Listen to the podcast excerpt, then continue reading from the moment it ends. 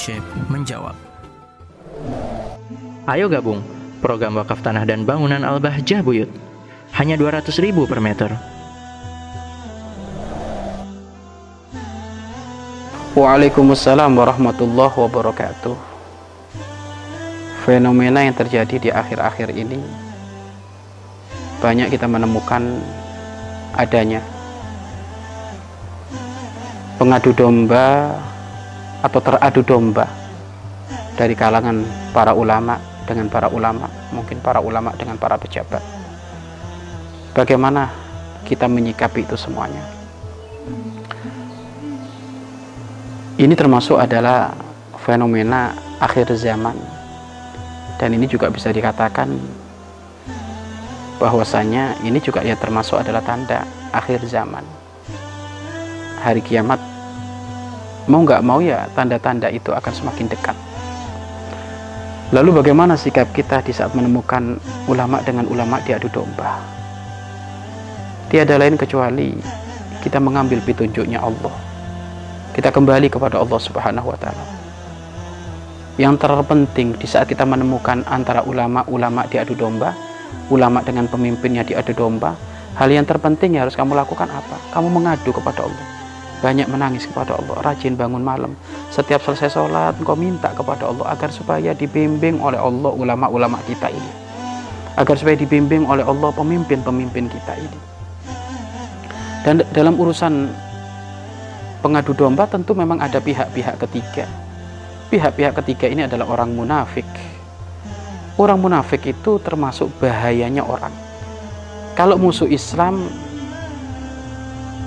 bajunya jelas. Tapi kalau orang munafik, orang munafik sesaat dia memakai baju kita, sesaat memakai baju mereka. Dan mereka kumpul dengan kita. Makanya musuh dalam selimut ini orang-orang munafik dan kayaknya orang munafik ini sukses mengadu domba mereka. Akan tapi ketahuilah ulama yang sesungguhnya, ulama ahli Allah, dia tidak akan mudah teradu domba. Pejabat-pejabat yang sesungguhnya yang kenal Allah, yang dekat dengan para ulama, dia tidak akan ter, tidak akan mudah teradu domba. Dia akan mengerti mana lawan, mana musuh, mana teman, mana saudara. Mula-mula orang munafik ini di dalam mengadu domba seakan-akan bersukses. Eh, Hasil, oh tidak ulama Allah itu yang bimbing adalah Allah pejabat pejabat yang soleh yang bimbing juga adalah Allah maka mereka tahu mungkin mula-mula seakan-akan mereka tertipu daya nih mulai sudah masuk mengadu dombaan ataukah seperti apa tapi ketahuilah Allah akan melindungi mereka semuanya. Allah yang akan melindungi mereka semuanya sehingga Allah akan menampakkan mana orang munafik mana yang benar perusak mana yang bukan akan ditampakkan oleh Allah Subhanahu wa taala. Akan tapi memang kita harus waspada. Kita harus harus waspada. Semuanya harus evaluasi bersama. Semuanya harus evaluasi bersama bahwasanya ya hal seperti ini utamanya ya kita kembali kepada Allah sudah. Mendekatkan diri kepada Allah. Minta petunjuk kepada Allah Subhanahu wa taala. Makanya sikapnya masyarakat kalau menemukan seperti itu sudah kamu jangan banyak reaksi. Kamu jangan banyak reaksi hendaknya kau lebih banyak mengangkat tangan minta kepada Allah nangis. Itu yang paling penting. Mengadu kepada Allah Subhanahu wa taala. Nangis nangis minta petunjuk ya Allah bimbing ulamaku ya Allah. Ya Allah bimbing ulama kami ya Allah. Ya Allah bimbing pemimpin kami ya Allah kami tidak ingin ada ada ada, sengketa ada adu domba ada ada ketidak ketidak ketidakakuran. Tapi kami ingin semuanya adalah akur damai. Minta kepada Allah Subhanahu wa taala. Ingat ahli iman itu punya kekuatan yang bernama doa. Doa silahul mukmin doa itu senjata bagi ahli iman. Maka ayo kita minta kepada Allah Subhanahu wa taala. Dan kejadian terombang-ambing pengadu dombaan seperti ini bukan hanya di wilayah wilayah zaman sekarang saja.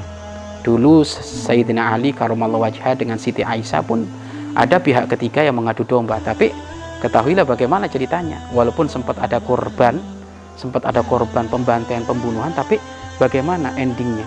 Allah memberi kemenangan kepada Sayyidina Ali. Allah memberi kemenangan kepada Siti Aisyah radhiyallahu anha.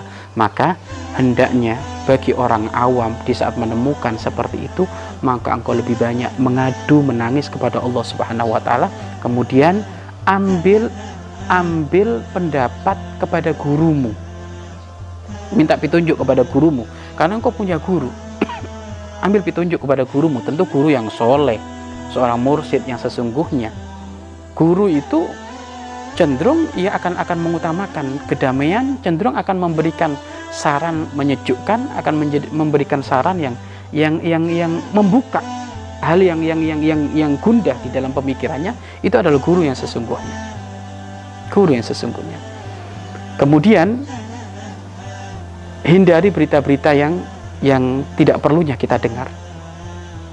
Karena berita itu sekarang media itu yang punya siapa sih media yang punya kan mereka orang-orang di luar agama Islam maka tentu mereka orang-orang di luar agama Islam orang Yahudi orang Nasrani mereka itu benar-benar berupaya bagaimana umat Islam ini tidak bersatu bagaimana umat Islam ini terus tercapik-capik amburadul seperti ini akan tapi ketahuilah yang membela Islam, yang membela umat Islam adalah Allah. Maka Allah tidak bakal tinggal diam.